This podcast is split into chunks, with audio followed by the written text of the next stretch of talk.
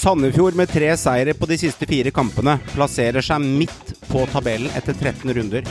Mjøndalen disket opp med øl og pizza, og vips så satt en trepoenger i sikringsboksen etter sju kamper uten seier. Sarp hadde ett tap på syv kamper før de gjestet Lerkendal. RBK viste med 5-1-seier at det bor noe i dette laget. Endelig fikk man se mer enn halv omgang med godt spill fra Rosenborg. Savnet av Fagermo og Børven er ikke synlige på resultatene i Skien. Odd er det store formlaget i Eliteserien. De står med seks seire på de siste syv kampene. Brann og Kåre Ingebrigtsen har funnet hverandre, mens enkelte medier dro opp det ene navnet etter det andre uten å være konkrete nok. Så meldte Synseligaen konkret og tydelig sist pod at Kåre var riktig mann for jobben i Bergen. God følelse å gå fra å være synser til, at, til fasit i tipset vårt. Velkommen til en ny episode av Synseligaen. Men det er jo ikke sånn at bohemen etter Vålerenga på 60-tallet At vi kan spille med de 2020, i 2020. Det, det er toppidrett i dag. Fucking joke, de der jævla måla vi slipper inn. Det er, det er piss. Vi har vært bunnsolide i, i hele oppkjøringa. Nå har vi sluppet inn ja, fire-fem pissemål. Det er jævla kjedelig å trene, så det er mye bedre å bare ligge og sole seg og så spille kamper. Så det her er perfekt. I wanted to wish you happy birthday, but it was already going go away.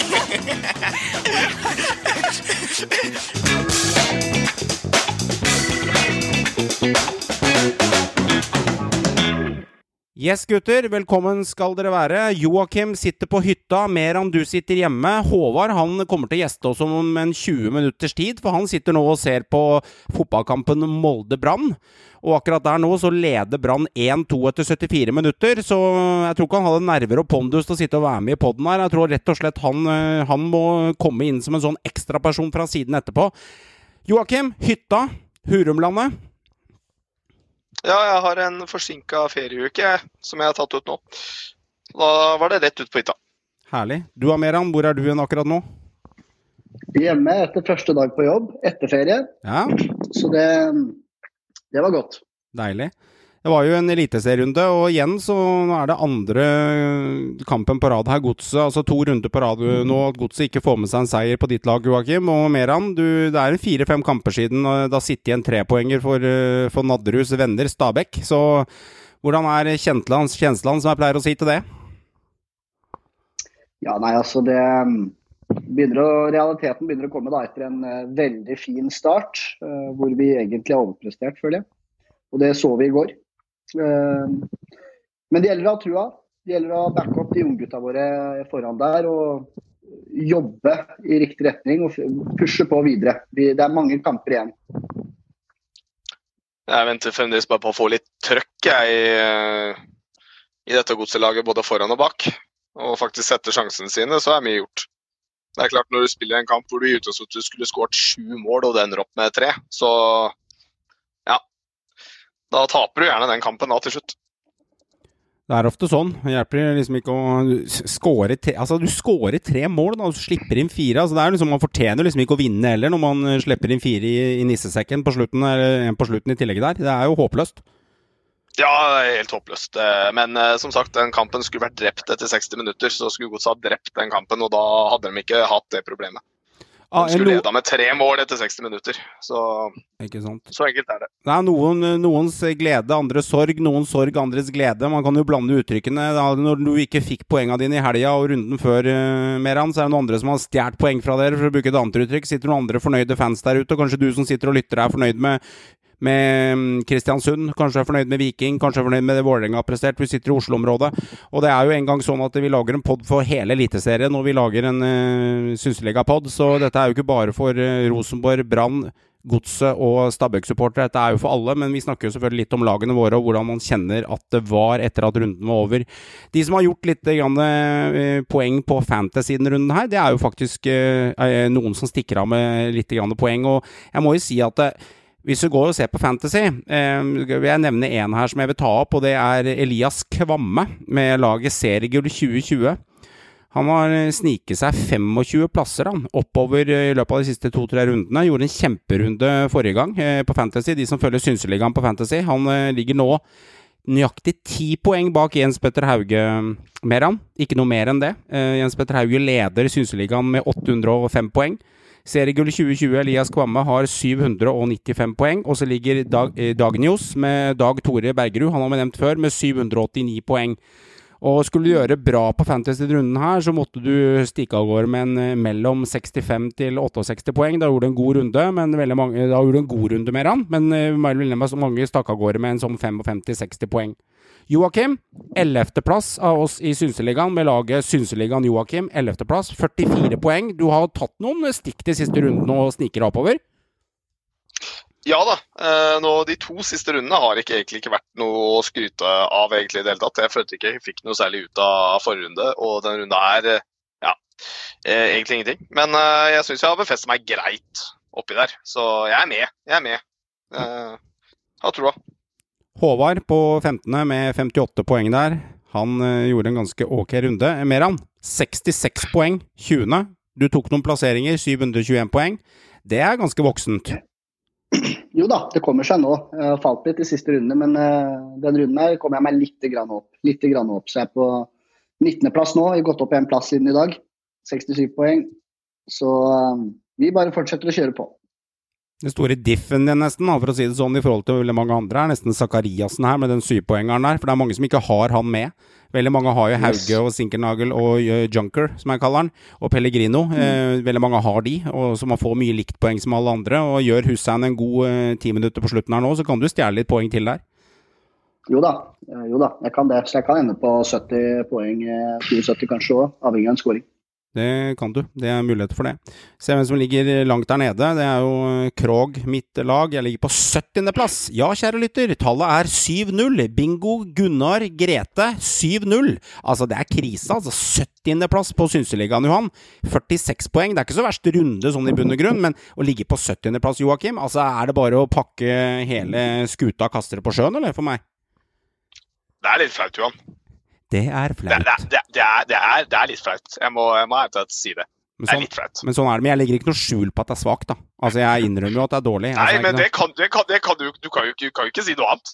Altså, du, du har ikke noe unnskyldning, liksom. Jeg altså, kunne- hva men jeg kunne jo bare- jeg kunne jeg, bare- jeg Huset brant ned, jeg glemte å Fikk ikke gjort byttene mine, jeg har ikke internett. Altså, Men jeg, jeg tenker litt annerledes. Jeg kunne jo bare sagt eh, Johan ligger på 17., da går vi videre. Jeg kunne dratt den, men Ja, det ja. gjorde jeg ikke. Jeg ja, jeg reklamerte den. med den med Grete og Birger 70, bingo-talla. Så jeg kjørte den helt ut. Så, men det det er altså Narvestad har sagt det det er skamfullt, altså. altså. Særlig når det er eh, 81 mann med i gruppa, så ligger jeg på 70. Så jeg skal ikke komme med noen unnskyldninger. Jeg må gjøre noe vilt noe på slutten. Jeg må bytte inn sånne helt håpløse bytter, sånn som ingen andre velger. Jeg må velge sånn derre Hva skal jeg si for noe?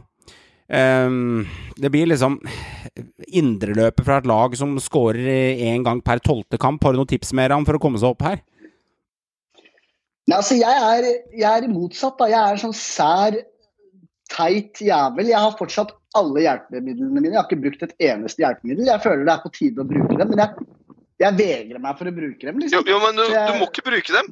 Fordi du ser jo samme Jeg, jeg har brukt mine hjelp, to av mine, og begge de rundene har gått sånn eh, OK. Med en gang du bruker Altså, det, det hjelper ikke med hjelpemidler. Det er en jinx med de jævla hjelpemidlene. Det er bare en jinx. Det bare ødelegger. Kan ta fram ett lag før vi går videre. Det er laget Viken fylke. Det var jo fin reklame. Nå blir Erna og de som eh, drifter kommuner rundt omkring fornøyd.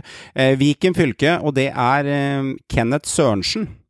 Han gjorde 79 poeng eh, den runden her, og det er sterkt. Han har ingen eh, spillere i Brann Molde-kampen, men han har én veldig stor diff. Han har jo selvfølgelig Sinkernagel, Junker, Hauge og alt det styret der, men han har Berisha.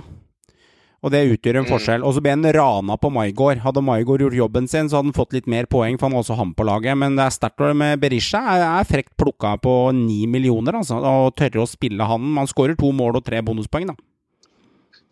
Ja, altså, det blir litt samme som at eh, det er jo garantert et par eh, heldige jævler som har plukka ut Castro av en eller annen bisarr årsak nå, fordi han plutselig skulle begynne å lage målpoeng.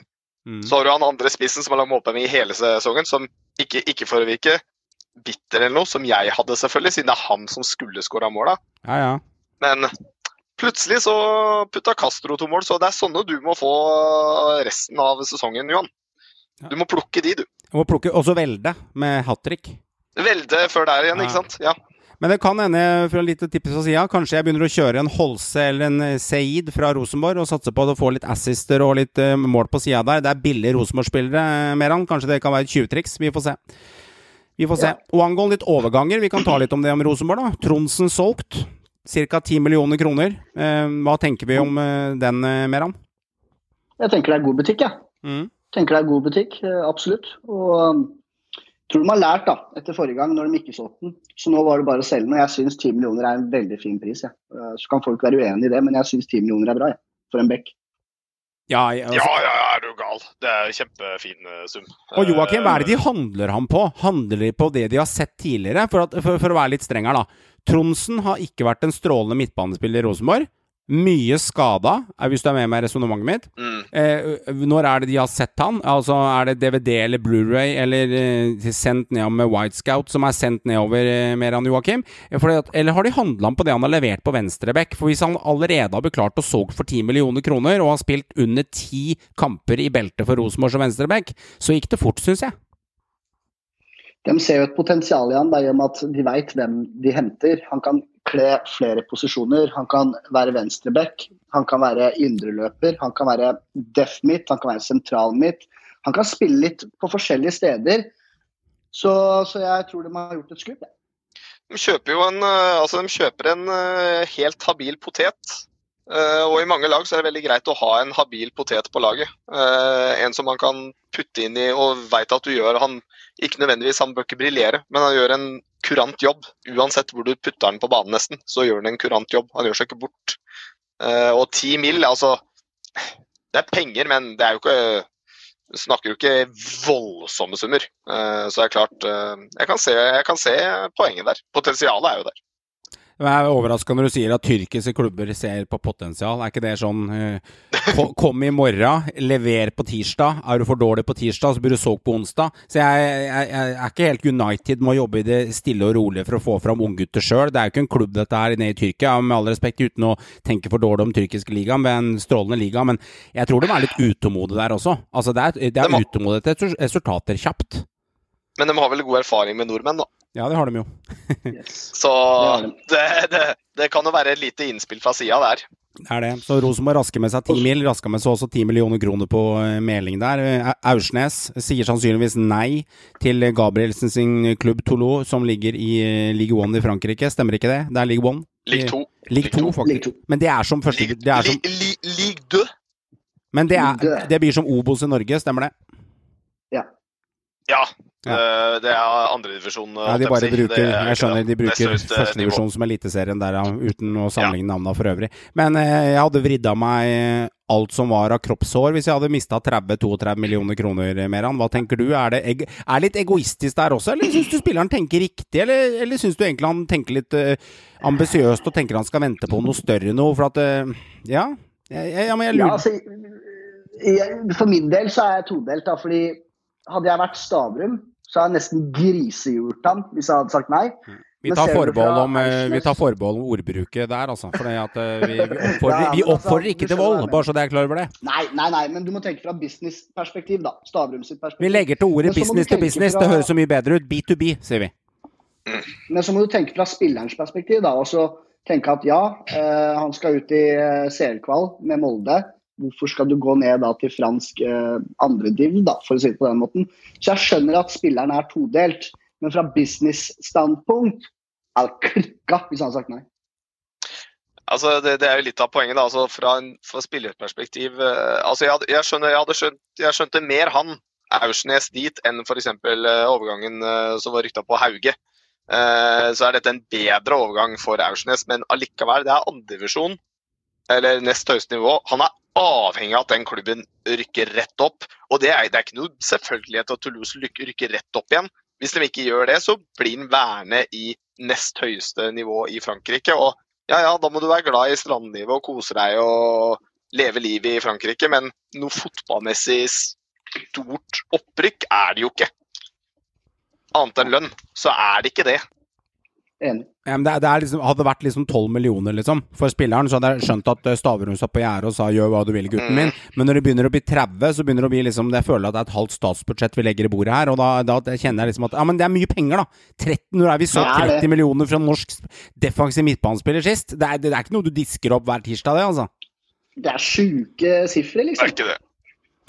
Men igjen, jeg, synes, jeg, men jeg skal bare så kjapt ting på siste Ja. del. da. Både han og Hauge. Eh, jeg syns det er bra. Jeg syns det er fint å se at ikke folk kaster seg på det første tilbudet de får. Ja. Jeg synes det, Når de tross alt spiller i en norsk toppklubb som skal spille i Europa, at de viser litt is i magen og har troa på seg sjæl. Og Mm. det syns jeg er bra. Bra. Jeg er enig, Joakim. Ble litt stum der, for jeg syns at resonnementet ditt var bra. Jeg er enig, det var ikke mer å legge til, så da lar vi den ligge. stum? Er, er det så sjeldent at jeg har et bra resonnement? Ja, det er andre gode resonnementet du har hatt i løpet, da, løpet av 46 podder. Det andre hadde du i episode 12 en gang i tida. Nei, bare tulla. Du har mange fine resonnementer. Du har fått mye skryt i det siste, for du har eh, vært veldig, veldig direkte og konkret i det du forteller, så jeg liker det godt. Bra. Venstrebekk og Rosenborg. Meling ut, Tronsen ut. Harding i venstrebekk. Valsvik må rett og slett eh, Ja, han må stille opp som som litt assistent han nå en to-tre kamper på rad. Altså, Tronsen spiller siste kampen mot Ålesund til søndag som kommer. Det er meldt at han skal spille den kampen. Da er vi på en 18.-20. august, og Rosenborg kan tidligst handle den eh, mener jeg er 5. eller 6. september, når overgangsvinduet Mm. åpner. Så det vil si at vi må gå en eh, tre-fire kamper, inkludert kvalikkampen til Europaligaen, uten en reell venstreback. De kan bruke Tagseth. Ikke heldig å gjøre det. Eh, han har begynt å spille seg bra inn på midtbanen. Jeg mener han skal fortsette å dyrkes der. Eller så kan de trekke ned Gjermund Aasen, men han er skadet. Eller så må de kjøre tunge Valsvik, som ikke evner å løpe mer enn 40 meter, og rygge tilbake. Mer enn hva gjør Rosenborg på venstre? Jeg syns det bør sette Hedenstad på venstrebekken, der han har spilt før, og så kjører du Dahl Reitan på høyre. Så er problemet løst. Hedenstad har vært skada og trenger nok noen uker på å komme i, i fit form. Altså. Det er ikke bare Jo, å kaste han inn. Ja, men da, da, er, da, er, Nei, da, da er datoen 1.9. når han er i gang igjen. Da er vi nesten på overgangsvindu. Ja, hvor lenge er han ute nå? da? Altså, Det sies at han er sannsynligvis har rykta tilbake til helgen mot Ålesund. Men jeg tror ikke han, altså jeg blir overraska hvis han går rett inn i kampen der. Han er nok en, må nok vente litt grann for å være helt matchfit, tror jeg, da. Mm, mm, mm. Men. Problemet her er at Valsvik er ikke back. Det skjønner jo alle. Han har, han har aldri vært back. Han eier ikke kvalitetene til en back. Altså, de fyren er, har kraft, fysikk, er, er stor og tung. Mm. Han har ingenting på back å gjøre. Han kommer til å bli altså bare én spiller som kan løpe 60-meteren på under 12, så kan begynne Vasvik å få problemer med å få alle følge, liksom. Altså, Vasik, Jeg digger jo Vasvik som spiller, men stopper, ja. Back, nei. Jeg tror Rosenborg jeg tror Rosenborg- jeg tror Rosenborg skjønner det sjøl, Joakim. Er derfor, vi, det er derfor vi tar det opp her, at de har en utfordring. Ja. Hadde de hatt en back, så hadde det ikke vært en stor utfordring. De har dem, de kan kanskje løse det, men jeg håper ikke det koster dem eh, sure baklengsmål, for det kan de gjøre. Tim, eh, Tim Pritcha og RBK ble aldri helt enige, selv om det vært rykta et halvt år om at den skulle til Rosenborg, og så dukket Inge André Olsen opp og fikk snappa ned til Aalborg. Ryktene fra det jeg vet om RBK, og RBK Forums sider, og der det går en god del eh, smell og rykter mer an, er at Rosenborg har sagt til slutt at det ikke ble noe av der, at de valgte å gå for Børven og satse på Dino sånn som det er, og så lar de den ligge. Det er det siste jeg har fått høre der. Eh, om det stemmer, eller om det er at Rosenborg ikke ga nok i døra til slutt der, det vet jeg ikke. Men eh, det kan ha gått glipp av et veldig bra talent der, da. Men Rade Pritcha, vet du, han var jo Aalborg også med Erik Hamren en gang i tiden, så han har jo litt eh, forkjærlighet for, uh, for Aalborg-Pritcha-familien, altså. Ja, altså, men så du må jo tenke på hva Altså, jeg, jeg skjønner jo egentlig det resonnementet ganske greit. Eh, Jeg ser at det kan være tilfellet, fordi når de nå valgte å gå for Børven De har en Dino, de kan ikke bare kvitte seg med en. Og altså, hva skal han her altså Pritcha junior da, inn som nummer hva da? Tre?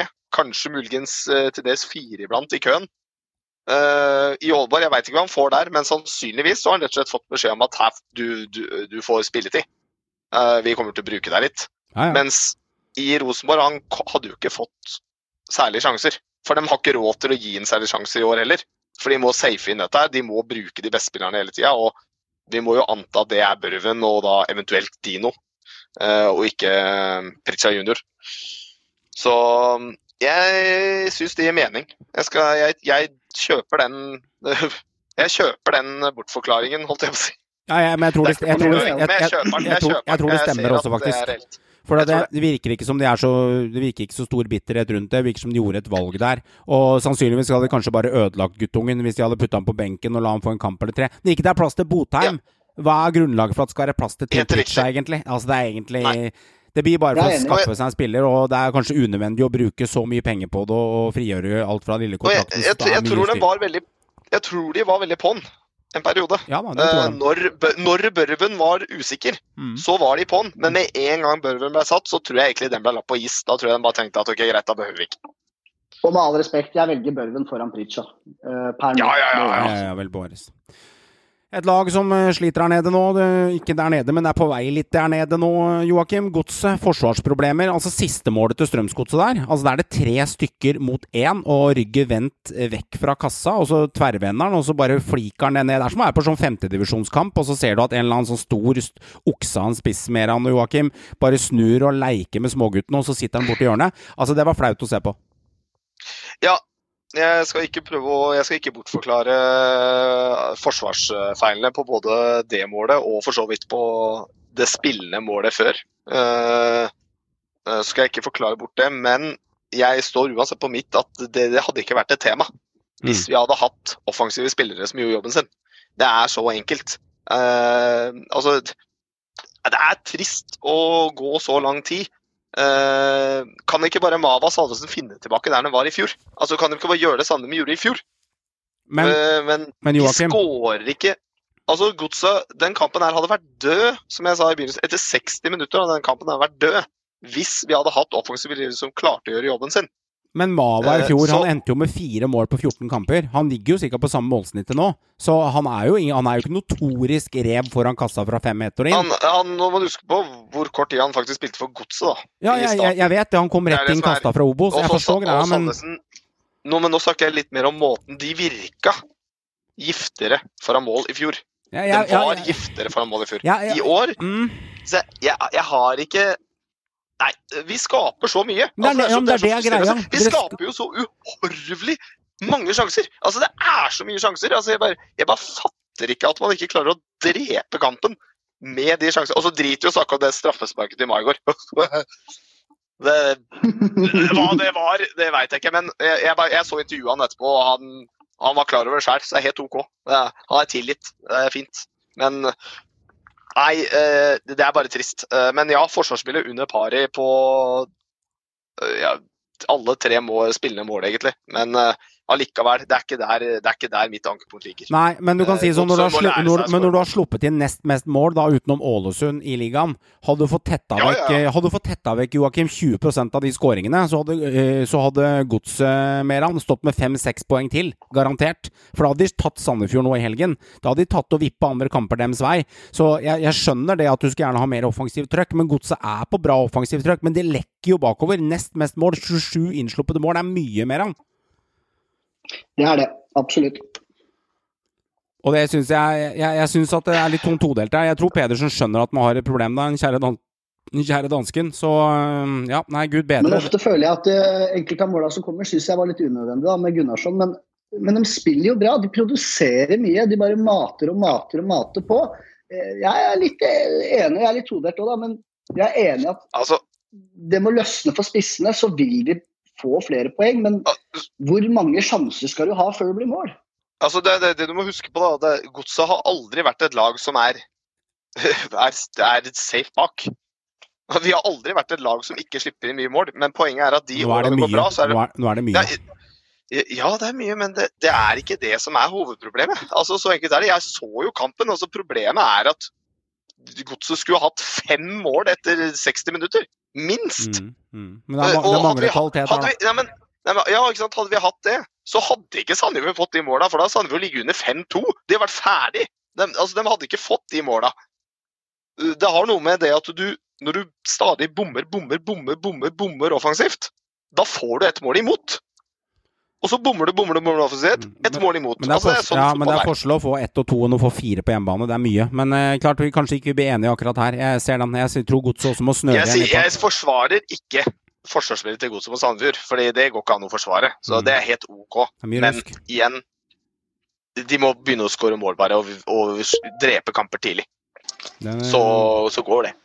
Det er eh, helt riktig. Da legger vi godset død. Eh, Når jeg sitter og ser på skjermen nå, så ser jeg en eh, ja, Molde Aker stadion helt, helt tom for mennesker og noen fotballspillere som halvveis tøyer ut. Og jeg har fått Håvard inn fra sida her, og vi har sett at Brann for tre minutter siden har slått Molde 1-2.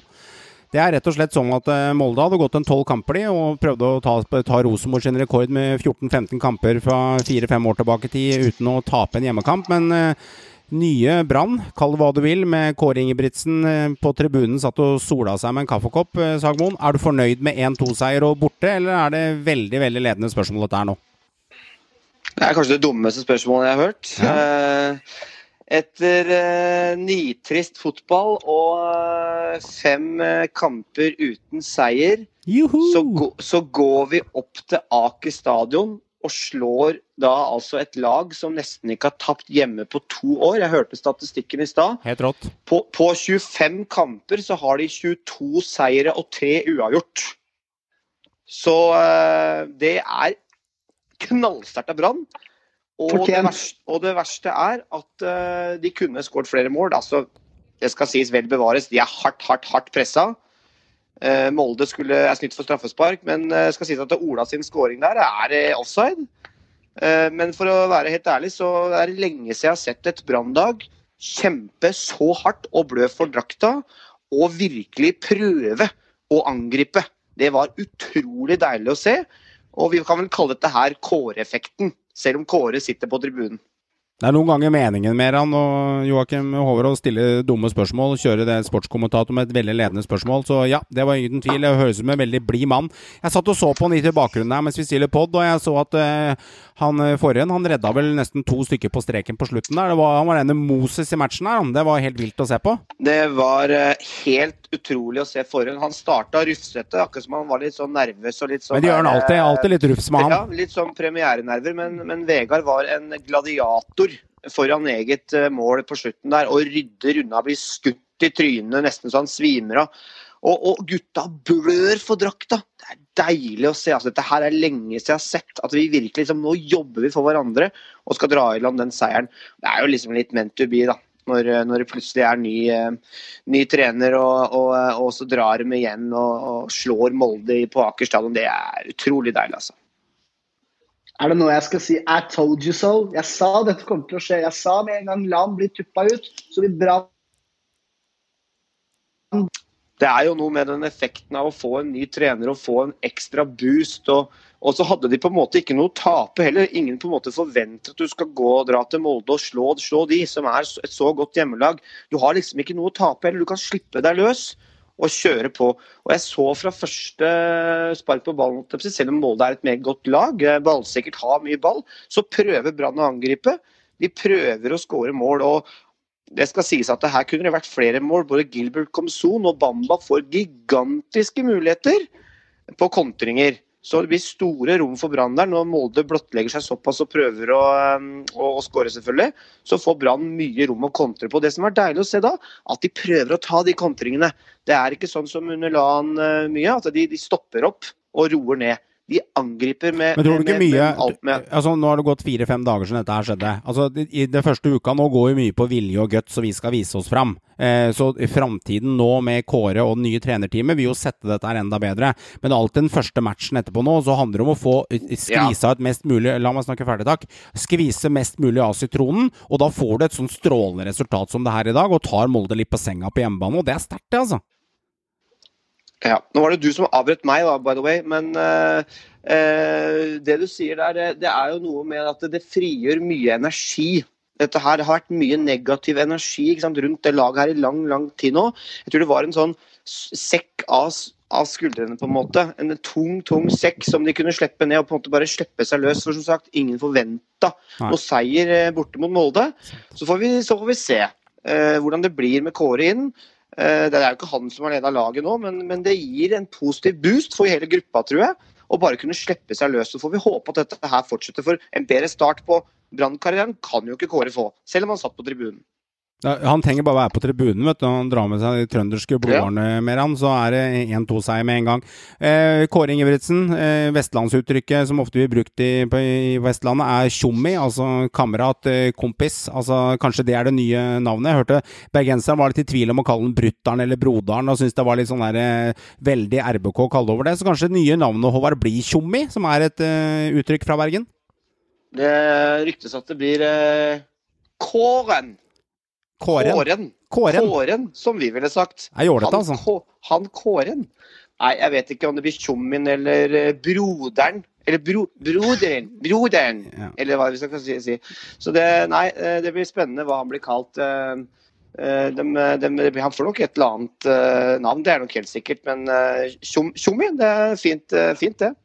Fint uttrykk. Vi var nettopp inne og snakka litt om Strømsgodset. Vi har lagt de døde. De ble slakta litt av meg her, og Joakim var ganske enig i at det må skje litt endringer der. Så vi er ferdig med godset. Nå så vi at eh, gleden hos Brann eh, er enorm og kjempebra. Jeg har lyst til å snakke litt om det Sandefjord leverer, faktisk.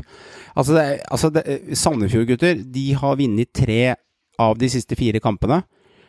Det er ni av tolv poeng, det, og det gjør faktisk at eh, de er blant de fire-fem formlaga i Eliteserien. For at eh, så jevnt er det, Meran, at eh, vinner du tre av fire kamper, ja, da er du med og danser. Ja, absolutt. Jeg vet ikke helt hva som foregår nå, men uh, det er jo imponerende, da, jeg må jo si det. Og uh, spennende å se hvor langt de kan gå. Jeg føler at på et eller annet tidspunkt her så sprekker ballongen. Men nå skal ikke jeg stikke kjepper i hjula. Så for all del, bra jobba Sandefjord. Dette har vi liksom snakka om lenge nå, helt siden første runde. Ja, nå sprekker det for Sandefjord, og ja, nå, eh, nå havner de eh, på bunnen, og dette her Ja, de fikk en heldig seier der, men, men nå begynner de faktisk å ta en del poeng. Altså, vi har, de er, det er et lag som har tatt 16 poeng. De begynner å få ganske bra luke ned til de lagene som ligger i bunn, bunngjørma der. Så, så det Sandefjord-laget, det tror jeg vi kan eh, regne med kommer til å ta flere trepoengere. For de har nemlig et grunnspill som er veldig solid, og så har de faktisk merkelig nok truffet OK på overgangsmarkedet. Og eh, Rufo ser jo plutselig ut som like god ut som han var sist gang de var oppe i Eliteserien. Så nei, Sandefjord, jeg tror fort de kan klare å holde seg nå. Det begynner å bli langt ned til de der nede. Ja, jeg er helt enig, eh, og jeg tror vi nesten allerede kan avskrive det ene sikre bettet vi hadde før vi starta når Ja. vi kom til ligaen.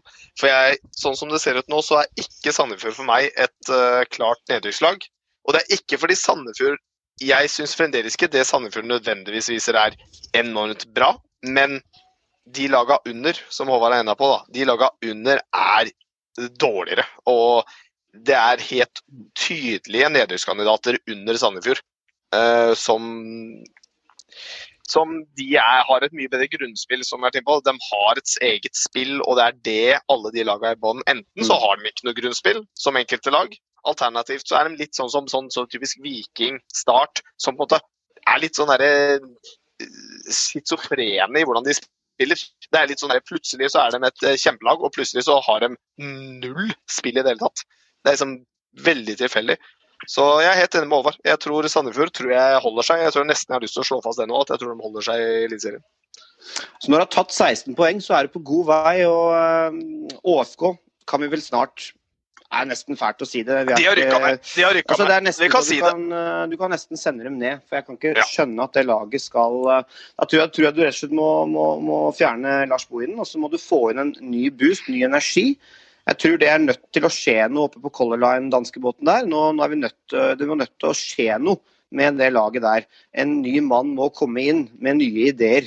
Eh, For det der ser, det ser helt nakent ut. Det er pinlig hvordan de fremstår. Nå kom de riktignok tilbake og fikk med seg et poeng, men eh, det, det holder ikke. Du er nødt til å vinne de kampene der.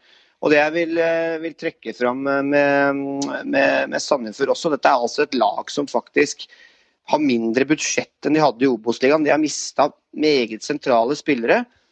Og eh, jeg syns at de fremstår nå, som du er inne på, Joakim, de fremstår mye bedre enn de lagene som ligger der nede i sumpa. De har et Mm. godt grunnspill, og jeg syns det er meget sterkt levert. Nå har dere altså snakka om godset, men at de kommer tilbake og da skårer fire mål på Marienlyst, som er en vanskelig bortebane, det er eh, sterkt. Rett og slett. Selv om Ålesund de eh, fikk det på, de fikk det på sølvfat, da. Men da, eh, det skal sies. men- Men, men- men allikevel enig. Enig. Men fire mål er fire mål, så Ja, ja. ja. Men Ålesund er jo liksom tapt sak. Altså, vi kan jo Ja, ok, la det her gå rett, av, rett vest med danskebåten der. Men la oss si, lek med tanken at uh, Bohinen er ferdig, da. Um, snakker vi da Horneland, som uh, strammer opp på Haugesund-måten og prøver å få en tillit der på nytt? For det er ikke så mange trenere som er ledige. Snakker vi da Tom Nordli, som elsker å ta på seg håpløse prosjekter? Jeg, jeg kaster bare ut i, i, i blomstervasa, så får dere mene. Hva tenker, tenker, vi her, gutter? Jeg har et godt tips, og det mener jeg er, eh, er reelt. Så jeg mm. mener helt ærlig at, eh, at en mann for ÅFK, det er Lars Arne Nilsen. For er det én ting han er god på, så er det faktisk å snurpe igjen sekken og spille deretter. Han tok over et brannlag som var helt knekjørt, hadde tapt 4-1 borte mot Levanger. Han er god på den kyniske, eh, defensive fotballen og å få resultater når de må vinne, og, og bikke seire til sin favør når de på en måte kan, han kan spille helt på sin måte. Og Jeg tror at også ÅFK har spillere som kan passe LAN-fotball. Så det er mitt tips. at jeg tror at, eh, Og han bor også i nærheten med, med familie i Volda, så eh, jeg tror at det kunne vært et godt tips på Ålesund. Og rett og slett huke tak i LAN. Ja, Det er jeg helt enig med deg i, Håvard. Jeg ser ikke Ålesund på et lag som skal underholde nå. Nå må de snupe igjen, som du sier.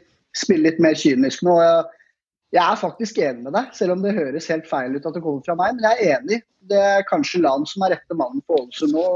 Jeg støtter de, dem. De, de, trenger å ta poeng, og de trenger å snurpe, snurpe igjen. Og det er han god på. Han, han skaffa Brann defensiv trygghet. Det var det han bygde hele fundamentet sitt på. Og det kan han få til i ÅFK også, tror jeg faktisk. Han er god på kjedelig spill. Ergo ÅFK trenger han. ja.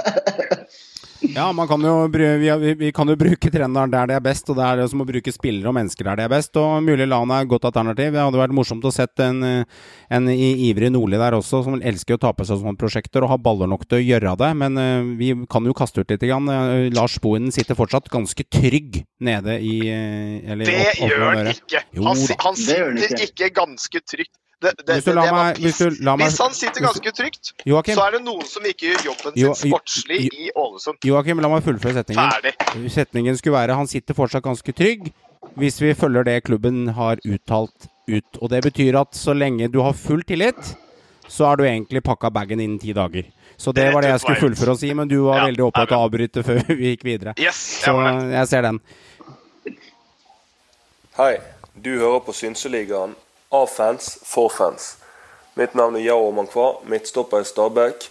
Og hvis du lurer på hva som foregår i klubbene, tabbene, målene, og ikke minst har lyst til å høre fra profilene i Eliteserien, så er dette podkasten for deg. La oss snakke litt om eh, Stabæk, eh, Meran. Eh, det har vært tre-fire kamper nå som dere har kjent at nå er litt back to reality. og da bør du fort tatt igjen på tabellen, fordi um, er, nå, nå, nå, drar det seg litt til. Det er tett på midten der. Det er det, og det er litt det du sier der. Back to reality. Jeg, eh, dere vet jo jeg har vært henrykt over eh, sesongen uh, hittil. Og det er som jeg sa i stad, vi har jo uh, overprestert. Vi har jo uh, gjort andre til et fort. Men nå snubler vi litt. Nå viser unggutta at nå trenger vi oppbacking. Nå må vi trene og terpe og terpe. og det er sånn som kan skje. Vi har en ung stall, men nå håper jeg at når vinduet åpner at vi får litt mer rutine inn. Og så gleder jeg meg til å se Kassi tilbake snart, Madsen tilbake snart. Få inn skadde spillere tilbake, så, så veit jeg at Janne kan trylle. Jeg syns Emil Bohin sa det litt fint etter eh, tapet nå. Uh, han sa det rett og slett rett ut. Vi har vært heldige i mange kamper. Og nå får vi litt i realiteten i trynet at nå, nå, nå butter imot. Og det er jo litt sånn en gang i fotball at eh, hvis du kanskje ikke er god, god nok spillemessig, så får du en i trynet før eller siden. Og det er vel litt mm. det som skjer med Stabæk nå. De, de har ikke Jeg syns ikke de på en måte har vært noe gode nå, rett og slett. De har, de har, de har tapt fortjent i, i de tapene de har hatt nå. Og det ser rett og slett ut som at det tar litt tid med Botheim. Han, han kommer til halvsjanser, men det har ikke blitt noe mål ennå. Så eh, han må, han må, nok få spilt seg varm, god og varm. Eh, jeg er ikke i tvil om at det kan være en mann som kan skåre mål for Stabæk, men akkurat nå så blir det litt sånn juniorlag over Stabæk, syns jeg. altså. Litt sånn lite sluttprodukt, på en del spillere. Men, det, men det er jo litt av poenget her. Og da, altså, det er jo noe man må forvente av et lag som Ja, Stabæk, absolutt. med den stallen de har. Altså, holdt på å si, For å si det litt slemt, de er jo nesten et juniorlag. Altså, det er, De er jo ikke det, men altså med liksom, å tenke på gjennomsnittsalderen på spillerne de bruker, og hvor lite erfaring det laget egentlig har da, å bygge på, så må man regne med litt sånne perioder. Uh, så, og jeg tror det egentlig er sunt ja, når han går ut da, og sier da, at det er liksom reality check. Fordi de kommer ikke til å slåss om medaljer eller topplasseringer. Altså, alle visste jo det på starten av. Men uh, ja, de må jobbe for det. De må jobbe for hvert eneste poeng. Og så er det litt, litt sånn at eh, hvis du Det er egentlig ikke sånn det er, det er ikke litt sånn det er sånn. Hvis du skal tørre å spille med unge spillere, og dyrke fram de, og få de til å bli profiler, så må du også akseptere noen ganger at resultatene varierer litt. Det kan ikke være sånn i norsk fotball at man skal dyrke unge spillere og få dem fram, men skal ha toppresultater i andre enden. For det er helt otopi å tro på. Du må tørre å stå i det som trener, og det har Stabæk vært veldig gode på. Ja, så ligger de midt på tabellen. De er på åttendeplass nå. Brann tok dem igjen akkurat nå når jeg oppdaterte tabellen. Men hallo, det er midt på. Det er ikke noe krise, det. Men eh, det er ikke mange poeng ned, så de må passe på litt grann også. Det må de. Men Stabæk skal ha mye skryt for det, altså. Ja, men jeg er enig i det. og det er klart, Vi må stå i det, og vi står i det. og Jeg syns det er bra at vi fremdeles satser på dem. Jo mer erfaring du får, jo bedre er det. og Botheim mangler selvtillit nå. Det ser vi ganske klart og tydelig. Men vi må bare pushe på. La han spille, la han spille, la han spille. Måla vil komme. Eh, vi må bare kjøre på. Vi har ikke noe annet valg. og Sånn som sesongen er nå, ender vi på en åttende-niendeplass. Det er strålende. Husk hvor vi lå for et par år siden. Husk hvor vi lå før Janne kom. Vi må ikke bli historieløse her. Jeg, jeg er kjempefornøyd. Greit, det vil komme noen tap. Men det som er viktig nå, er gode prestasjoner. For det vi viste mot Odd i går offensivt, det var ikke bra. Så vi må bare, vi må bare peise på. Mm. Jeg syns det, jeg synes det er veldig godt poeng, Meran. For dere har tross alt kjempa i bunnen i flere år på rad.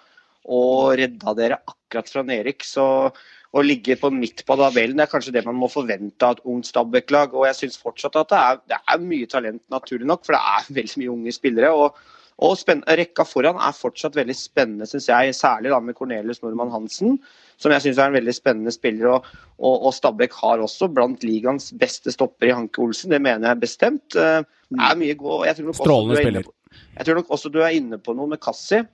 At det vil være viktig for Stabæk absolutt å få han tilbake. og Jeg tror fortsatt uansett at det er bedre for Stabæk å spille med Botheim enn å spille med Kinoshita. Så Botheim han må få tillit og må spille seg varm. Og så må vi ikke glemme at uh, vi har uh, far i huset, Jan Jønsson, og onkel Petter Belsvik. og Det er en av de viktigste vi har. og Jeg er 100% overbevist om at de vet hva de driver med og kan utvikle disse spillerne videre. Altså, Janne er så herlig. Jeg skulle ønske han var faren min. Altså, det her kommer til å gå fint. Vi kommer til å holde plassen, men det er ikke langt ned. Det er heller ikke veldig langt opp. Klarer vi å ligge der vi ligger nå, syvende, sjette, syvende, åttende plass, så har vi hatt en fenomenal sesong. Jeg syns vel kanskje at, eh, at Botheim mangler litt selvtillit, og at eh, han eh, satt litt benk og blanda saft i Rosenborg. Ja, det, men han er jo ikke akkurat en sjuendedivisjonsspiller, så karen holder seg jo i form. Men jeg syns jo det han har vist i Stabæk, han har brent noen feite. Han er kanskje litt, litt utrent i steget der, enig i det. Men det virker som RBK gjorde det riktige av å sende på lån. Fordi at han, det lukter ikke mål av Erik Botheim akkurat nå. og Det har gått en fem-seks kamper, så jeg tror beslutningen de tok opp, tok opp på brakka der, er ganske nøyaktig, Håvard. Jeg er enig med deg. Han, eh, han holdt ikke mål for eh, RBK sin elver, og knapt nok benken eh, etter hvert, der, for å være helt ærlig. Så det var riktig valg av både Botheim selv og RBK å sende han på lån. Og jeg er også usikker på om han har en fremtid i Rosenborg. Eh, For han er jo ikke 18 år lenger heller. Det skal sies. Så jeg tror fort at dette her kan være en spiller. Og som jeg nevnte i en tidligere podd, kanskje det er litt bra for Stabæk at han ikke bøtter inn mål, for da kan de kanskje hente den permanent. At det kan være en, en, en mulighet der. Eh, så ja, men jeg syns det minner litt om Jørgen Strand Larsen i Sarpsborg. Litt sånn uten sluttprodukt. Det er talent, det er muligheter her, men mangler sluttprodukt for øyeblikket. Men han er jo der. Han er der på alle løpa. Det, altså det sitter. Han bare har selvtilliten. Litt sånn som jeg sa forrige podd om Flamer. Nå må Botheim få lov til å være seg sjøl. Bli litt gæren nå. Men det får han lov til. Det skal han få lov ja, til. Ja, det får han lov til. Og det tar litt tid. Det har tatt lengre tid enn jeg trodde. Men vet du hva? Da får vi bare være tålmodige. Jeg har trua på Botheim. Jeg har venta halvannet år på å få ham inn. Det har vi snakka om før. Nå er han der. La han få litt tid. Om det tar ti kamper til, OK. Vi må få han i gang. Samme med Jørgen Strand Larsen. Han er der, han kommer til sjanser, men han skårer ikke mål. ikke sant? Så du, du er nødt til å sette de når du får den. Litt sånn samme stimen som Bamba er i nå. Altså, han jobber så knallhardt. Hadde en feit på slutten her i dag òg. Han har, har hatt to feite i dag. Mm. Eh, noen feite, og Han har hatt mange sånne i løpet av sesongen. Han står med tre mål. Han skulle hatt eh, i hvert fall det dobbelte, hvis ikke mer, for å være helt ærlig. Han har brent vanvittig. Og, og en spiss, han skal skåre mål. Det er den viktigste oppgaven til en spiss. Du kan jobbe og stå på alt det der, men det handler om å skåre mål for en spiss først og fremst. Så det handler om å være kald nok i øyeblikket når den kommer og ha selvtillit nok til å sette den. og og det er, her er nok da eh, flere spisere i ligaen som sliter med det samme og faktisk sette når de får den. Alle skulle hatt en Frid Jonsson. Ja. Det er, drømmes, Det er jo- det er det er jo drømmespissen til Joakim til godset. Er, Ja, ja, uten tvil. altså det er jo en kvalitetsspiss. og Det er jo ikke, det er jo ikke uten grunn at han er linka til faktisk det merkelig nok til Serie A-klubber. Altså Han har kvaliteter. Hadde han vært i et Ja. bedre lag, så hadde han bøtta mål. Det er en god, god spiller. Han er rett og slett en god spiss. Kje- veldig god spiss. Altså effektiv, god spiss. Bra Stor og, st stor og sterk, som også er faktisk bru brukende langs bakken. Så det er ikke noe dårlig spiss HFK har der. Elias Kvamme lurer på det samme som meg, om pizza og øl nede, i Krokstadelva til Mjøndalen er det som var medisinen til å tra, dra tre poeng etter sju strake tap. Joakim, er det harry nok at det går, det Mjøndalen driver med, eller er det bare én tilfeldighet å kaste terning over der? Nei, jeg, jeg, jeg velger å tro at det er eh, ren tilfeldigheter og at uh, Altså, eh, nei, altså Én ting, nei, ikke helt. Fordi eh, det, det, dette laget er jo Mjøndalen er jo bygd på kameratskap, kompisgjeng, altså jobbe for hverandre, skape god stemning. Eh, og i den grad, ja, selvfølgelig, men Altså, ja, altså, det blir jo litt sånn som Hvem var det som kasta ut det? Det var vel eh, Var ikke det, var, det var en MIF-spiller som kasta ut det rett etterpå, var det ikke det? At nå må det jo bli øl og pizza etter hver kamp. Så du med Hansen? Altså. Ja, jeg, jeg mener var- var ikke det Det var Markus Nakken det som sa at Markus Nakken, ja, nå må du bare få Nå, så, nå veit du hva som skal til. Jeg må bare få pizza og øl etter hver kamp, så er jo alt bra. Han eh, Men- sa ja til pizza og øl på hvert Ja. spille, spillemøte etter, etter, etter, etter kamp. Så blir det bra. Og det, og det er liksom sånn På en måte, ja, fordi det hadde ikke gått i Molde eller RBK, det der. der. Det, er ikke, det hadde ikke gitt noe piff eh, i laget, tror jeg, på samme måte. Men akkurat i Mjøndalen, at det har hatt en liten ting å si, ja, jeg har ikke så Det kan godt hende. Men det er jo skrevet i stein at Schweibo skulle skåre mot Haugesund. Ja. Det, her, det her skjer jo hver gang. Og, og jeg syns det var en litt sånn eh, hva skal jeg si, sjarmerende historie med, med Ibrahim Shaibo der. Som hadde trygla og bedt Vegard Hansen om å få starte kampen. Han hadde gått mange mange kamper uten, uten å skåre mål og havna på benk. eh, Og trygla og ba Vegard Hansen nesten at han skulle få spille, og han lovte skåring. Og så er det jo det som skjer mot Haugesund, som han aldri fikk muligheten. Så han sa at dette her var jo hans største opplevelse slett, på fotballbanen. Og Mm. bli, match, og bli matchvinner. og Du ser jo det er herlig scener når han løper til Vegard Hansen og gir ham en klem. og Du ser hvor mye det betyr for gutta. og, og jeg tror den der, nettopp det med pizza og øl, det er ikke det som isolert sett er så viktig. Men det handler om å liksom ufarliggjøre dette her litt, og, og, og ta en litt sånn samling i bånn. Og litt sånn uhøytidelig samling, og bare liksom koble ut og tenke på litt andre ting. Jeg så gutta har hatt litt sånn der vannspreder på trening og bare hatt det gøy og kosa seg. Og det tror jeg er viktig i en sånn situasjon. Å på en måte senke skuldra. Og selvfølgelig også trene seriøst og være klar for kamp. Men jeg tror at klubber som Mjøndalen er nødt til å gjøre litt sånne ting for å på en måte få en restart. For nå hadde de begynt å lime seg inn i et hjørne som ikke er bra. Altså sju strake tap, det er, det er eh, bekmørkt. Men det, det jeg ikke likte med Mjøndalen, da, for jeg litt kritikk til dem, eh, merker jeg litt i media Ehm, De begynte med litt sånn 'stakkars meg' og syting. Vi har hatt så uflaks, det har vært så mye av det, det har vært så mye av det. Tape med ett mål, vi har mista seieren på slutten. De begynte med litt sånn sytepetter i, i klassen, syns jeg, eh, de siste rundene her nå, før den seieren her kom, og det liker jeg ikke. Fordi kvaliteten kommer alltid til syne uansett, og da, du har tapt de fotballkampene, gutter, fordi de ikke har vært gode nok, og nå var de gode nok. Så de, Mjøndalen har vært i disse situasjonene x antall ganger, Hansen og co. Så jeg tenker at de må slutte med sånn syting og finne på sånn utenforstedige hendelser på at de taper fotballkamper. Du taper jo fordi du ikke er god nok. Ja, men lite, lite kommentar til dem, da. Jeg er enig i det. Du kan ikke sutre over hvert eneste tap du har. Det Ja. jeg ikke de har gjort heller. De har, så sagt, de har også lagt seg fla de har lagt seg flate, men jeg skjønner den Vålerenga-kampen, for for det er den som på en måte tok piffen litt ut av dem. Fordi der var de så vanvittig alltid bortdømt. Den kampen mot Enga hjemme, det var et ran. Og Det tror jeg på en måte gjorde noe med hele gruppa. Og, og etter det tapet så har de jo, har de jo bare tapt, ikke sant, før de da vant, eh, vant mot Haugesund nå. Og det, det, gjør noe med en gruppe, eh, tror jeg, litt sånn psykisk. At du, du får så mye motgang, og da sprer det seg. Men nå har de snudd det, og så får vi se hvor lenge det varer denne gangen. Ja, du kan, men du kan godt si det, og jeg skjønner også poenget der. Men ja, det er, altså, det er helt åpenbart alle de seks kampene etterpå. Altså, Mjøndalen har tapt fordi de ikke har spilt noe bra fotball. De har så vidt spilt, de har så vidt spilt fotball til tider. Og derfor har Mjøndalen tapt så mange kamper. Ja. Uh, men selvfølgelig, nå Jeg håper dette er et lite pusterom for dem. Uh, at det får litt Håper du det, du som er jeg, altså jeg, det, det, var, det, var, mitt neste punkt. Jeg gråter ikke om Mjøndalen rykker ned Nei, i det hele tatt. Ja, men det er, men det er allikevel Mjøndalen i Eliteserien er allikevel Jeg syns det er artig og det er gøy å ha Mjøndalen i Eliteserien. Uh, og de behøver i hvert fall ikke å rykke ned for siste serierunde. Det behøver de ikke gjøre. Men dette er hvorfor jeg elsker norsk eliteserie. Når en afrikansk spiller sier at hans beste fotballminne, øyeblikk, var å bli matchvinner mot Haugesund, da elsker jeg norsk eliteserie. Du kan ikke få noe mer vakrere enn det. Og så må jeg kommentere noe til som er vakkert òg. Når du snakker om Vålerenga uh, søyt seg litt til seier der og drøya ti og sto i, Håvard. Det er litt søtt da, av Mjøndalen å klage på det, når det har da vært deres medisin de siste fire årene med Gauseth og gjengen. Å drøye tid, legge seg ned, vondt i leggen, stortåa ut av, ut av ledd. De har drøyd sju-åtte minutter og holdt på, og så blir de tatt på sin egen hjemmebane, altså på sin egen, eh, eh, egen pizzarestaurant, og så ender det med at det er det de taper for sitt eget grep. Jeg, jeg syns det, det, er nesten litt Det er syting, og det er litt søtt. Men det skal sies at Jeg skjønner poenget ditt, og jeg er enig. Det er det på en måte Mjøndalen har jo spilt på kynisme og trøkk og tæl og innsats og den biten der.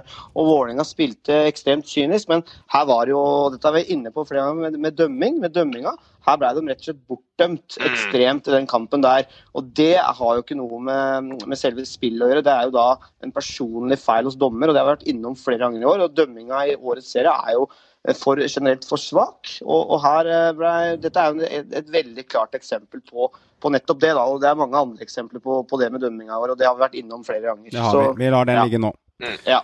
Ja, den ligger nå. Eh, men angående Molde, da. Med, hadde ikke funka i Molde og RBK. Jeg er usikker på det.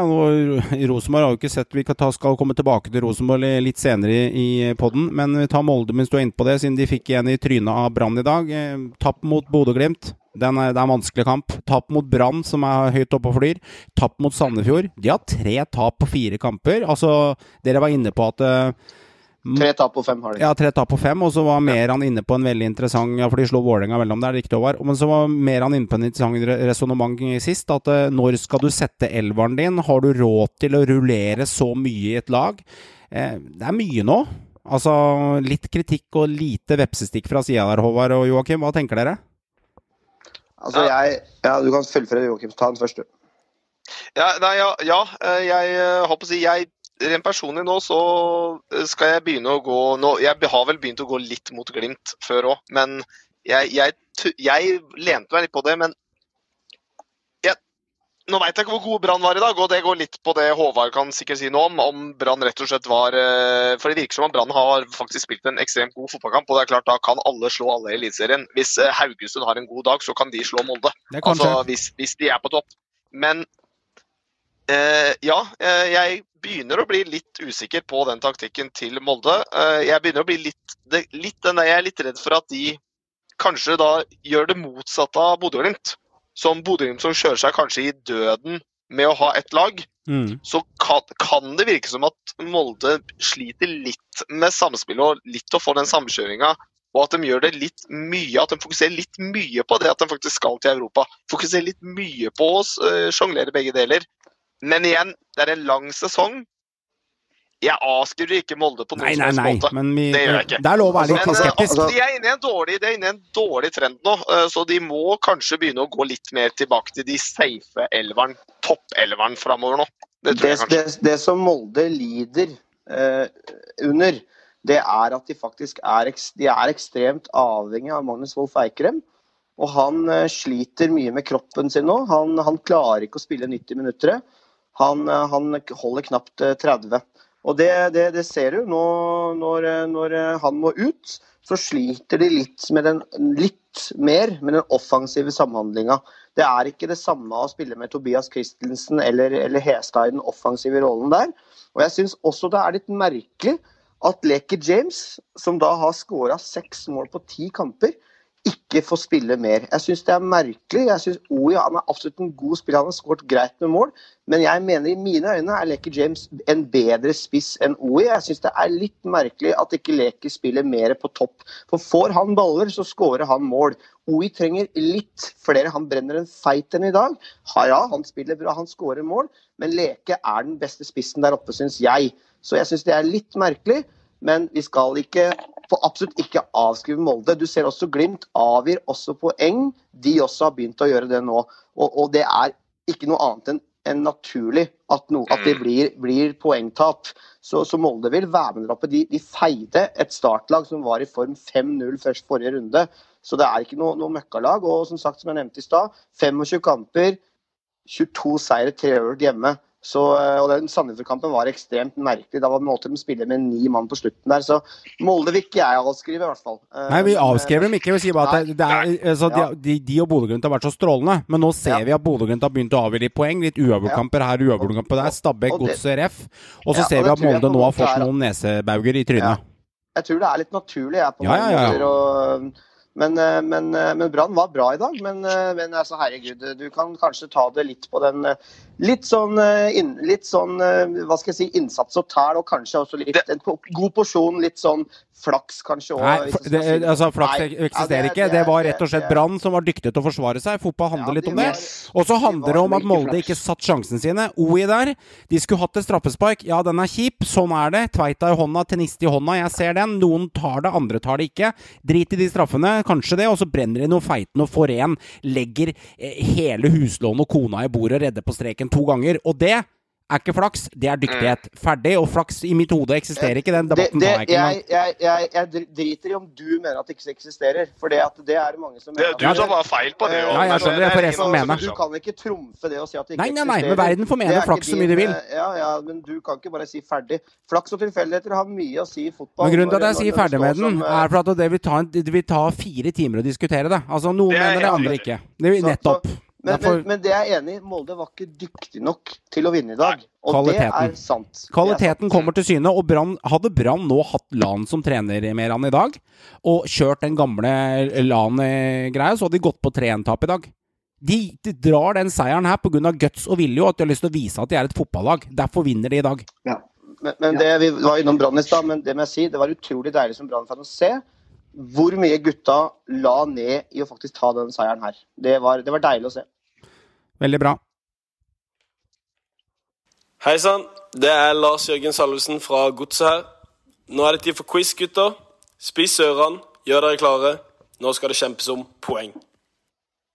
Og nå, gutter, skal det i hvert fall ikke handle om flaks eller dyktighet, flaks, dyktighet. Her handler det bare om dyktighet, men det handler litt om å være taktisk. For nå har vi lagd en liten quiz her, og denne quizen, vi introduserte den sist, den heter eh, Hvem er jeg? Og jeg skal gå gjennom reglene med dere tre, for det er dere tre som skal svare her. Så jeg skal gå gjennom reglene, uh, Håvard Joakim og Meran, slik at det ikke blir noe sånn 'jeg trodde det var annerledes', og noe syt. Det kommer jeg ikke til å gidde her nå. Så veldig enkelt og greit. Hør det, Håvard. Ikke syt. Ja, Håvard er uh, uh, sytmaster. Han, han, Du sa noe annet der, og det er morsomt, det. Sånn skal det være. Hvem var, hvem var det som vant, da? Siden forrige quiz? Ja, ja, jeg skjønner det. Du vant jo ikke for at du søt. Og likevel så søt du! Ja, ja, ja man vant fortjent, da. Vant fortjent. Ja, ja, ja, ja. Ja, da har man fortjent. Du vinner jo ikke quizer fordi du suger i det du driver med. Vinner, det er kunnskap du går på her. Men ok, skal vi se. Som vi gjør det her, er at den heter Hvem er jeg? Vi gjør det veldig enkelt. Vi kan si det sånn at uh, vi kan starte hos Meran, f.eks. Siden du er yngst Meran, så går vi runden rundt. Så vi sier Meran, og så tar vi Joakim, og så tar vi Håvard. Så følger vi den rekka der. Som vi gjør det, gutter, er veldig enkelt. Jeg leser noen påstander om en spiller. Det er alltid en spiller. Det er ingen klubb. Det er ingen penger, det er ingen styreformann, ikke noe sånt noe. Det er en spiller, altså eksempelvis Steffen Iversen. Tar det som eksempel. Jeg leser noen påstander. Jeg starter alltid på tallet 11. Håper lytteren også får det med seg. Så hvis du klarer etter første hintet å tippe hvem spiller det er, så får du 11 poeng. Jo mer hint jeg gir fra meg, gutter, jo lavere ned på poengstigen går du. Så hvis du trenger mange hint, helt ned til ett poeng igjen med han, så får du ett poeng hvis du tipper spilleren. Men det siste hintet, hvis det hadde vært Steffen Iversen, hadde vært han er sønnen av den kjente Odd Iversen. Det er liksom siste hintet. Og hvis ikke du klarer da han, da, da, da blir det ikke poeng. Veldig enkelt. Nei, fair. Det er fair. Det er fair. Og så er det en ting. Alle spillerne har dere hørt om. Hvis ikke dere har hørt om spillerne som blir tatt opp her, så er du kasta ut av Synseligans Synseligaens pod på, på livstid. Veldig enkelt. For alle spillerne har du hørt om, og navnet blir nevnt. Det er, det er ikke noe sånn det. Nei, det har du hørt om. Altså, det, er, det er ikke noe Jon Helge Tveita her som kanskje man ikke har hørt om. Sitter, sitter bare Johan og Håvard igjen til slutt, Meran. Ok, men eh, Og så er det en regel. Eh, hvis vi starter på deg, Meran. Eh, når du Jeg kommer til å lese hele tiden, og du kan ikke si Det er, er veldig avgjørende, fordi at eh, hvis du Hvis jeg leser Han er fra Trondheim, født 1978, har spilt spiss Å, kan det være? Og hvis du nevner da en spiller høyt, så Da er du ferdig. Da er det svaret. det er det er svaret. Og grunnen til at det er svaret, er fordi at du gir de andre gutta rundt her, Håvard og Joakim, hint om hvem det kan være. Og når du bommer med han, så går stafetten over til Joakim, og han stjeler poengene dine. Fair. Så dere må Men, følge med på alle eh, sammen. Ja. Ja. Så, det så det vil si det, hvis du tar en sjanse på å svare etter få hint, da, og så stopper eh, tallet mitt på ni, og du bommer eh, med han, da går ballen over til Joakim. og Da kan han fortsette helt ned til én, han, for å stjele det poenget. Selvfølgelig. Jeg Håvard har et spørsmål. spørsmål. Vær så god, Sagmoen. Eh, Det er du som nevner hvem sin tur det er etter. Ja, det gjør jeg, men jeg, jeg har ikke ansvar for at du får med deg infoen. Nei, nei, men uh, Vi må, vi må høre sjæl. Du må høre sjøl. Så jeg, Ja, vi, poenget kommer til å bli delt ut, og vi starter, og vi starter hos deg, Meran. Og du må ikke bare si okay. kan, 'kan det være Raymond Kvisvik', og så tenker du høyt. Og, Nei, så, nei. for, for at Jeg holder kjeft til det kommer et svar. Og du må si stopp når du har lyst til å fortelle meg navnet. Eh, hvis du er usikker, kan du si fortsett. Det vil si at du får lov å si stopp og fortsett etter det, men ikke bruk 100 år. Da starter vi. Mottatt. Men hvem er etter Meran? Eh, det er Joakim. Vi, vi går alder. Har du ikke fulgt med, Håvard? Vi, går, Jo, jo, jo. Vi, er, vi tar Meran, Joakim og Håvard til slutt. Det er egentlig det samme, Ja, det men er velger vi å starte yngst, siden han havna, havna der. Da kjører vi Hvem er jeg? Eh, født 1977. Spilt i tre land. Du må bare stoppe meg når du ikke vil noe mer. Han er spiss. Han er 1,87 høy. Spilt for Rosenborg og flere andre norske klubber. Du kan ikke si en dritt, du, Joakim, for det er mer han som kjører. Han er seriemester okay. fire ganger totalt. Han er cupmester én gang. Spilt i fransk fotball. Aldri spilt i England. Kniksen prisvinner to ganger. Toppskårer i norsk serie flere ganger. Er fra Hamar. Spilt for HamKam i tre år. Spilte også i Austria Wien. Største suksess Stopp. Kjør. Torstein Helstad. Det er riktig. Da stopper vi der, og det var fire poeng på Meran. Fire poeng. Torstein Men, men det går jævlig fort. Ja, men jeg, jeg var så redd for å si feil, så jeg lot han bare Men det må det jo være. Det var første er fri. Ja, ja, Første er ja, fri. ja, ja, Dette er jo en, dette er en underholdning. drite meg ut. Dette er en, dette er en underholdningspod, og du må Her stoppe. bare ryker poenga. Ja, det er sånn det er, men du får jo mange hint. Og kan, jeg kan bare leke litt med tanken, da, så tar vi ham ferdig. Hvis han hadde fortsatt, så er største suksessen hadde han i Brann. Tre poeng. Siste klubben han spilte for i øverste divisjon i Norge, var Lillestrøm. Da er du nede på to tre. Solgt fra Brann til Lama for 16 millioner kroner i 2008. Overgangen var bismak for supporterne. Da er du på to poeng. Og skal du avslutte den, sett på som det beste Brann-spissen etter 2000-skiftet. Fornavnet hans er Torstein. Klarer du ikke den, da er du på ett Da poeng. har du ikke fulgt med i norsk fotball. Da har du ikke nære å gjøre. Men det vil, Nei, ja, men det er vil si det, du har fire poeng. Fire poeng er fire poeng. Da går vi videre. Eh, det er er eh, Joakim. Eh, svensk offensiv spiller. Spilt for AIK tidligere i karrieren. Debut i førstedivisjon i Norge for et norsk lag. Han er aktiv enda. Seriegull i Norge. Cupmester i Norge.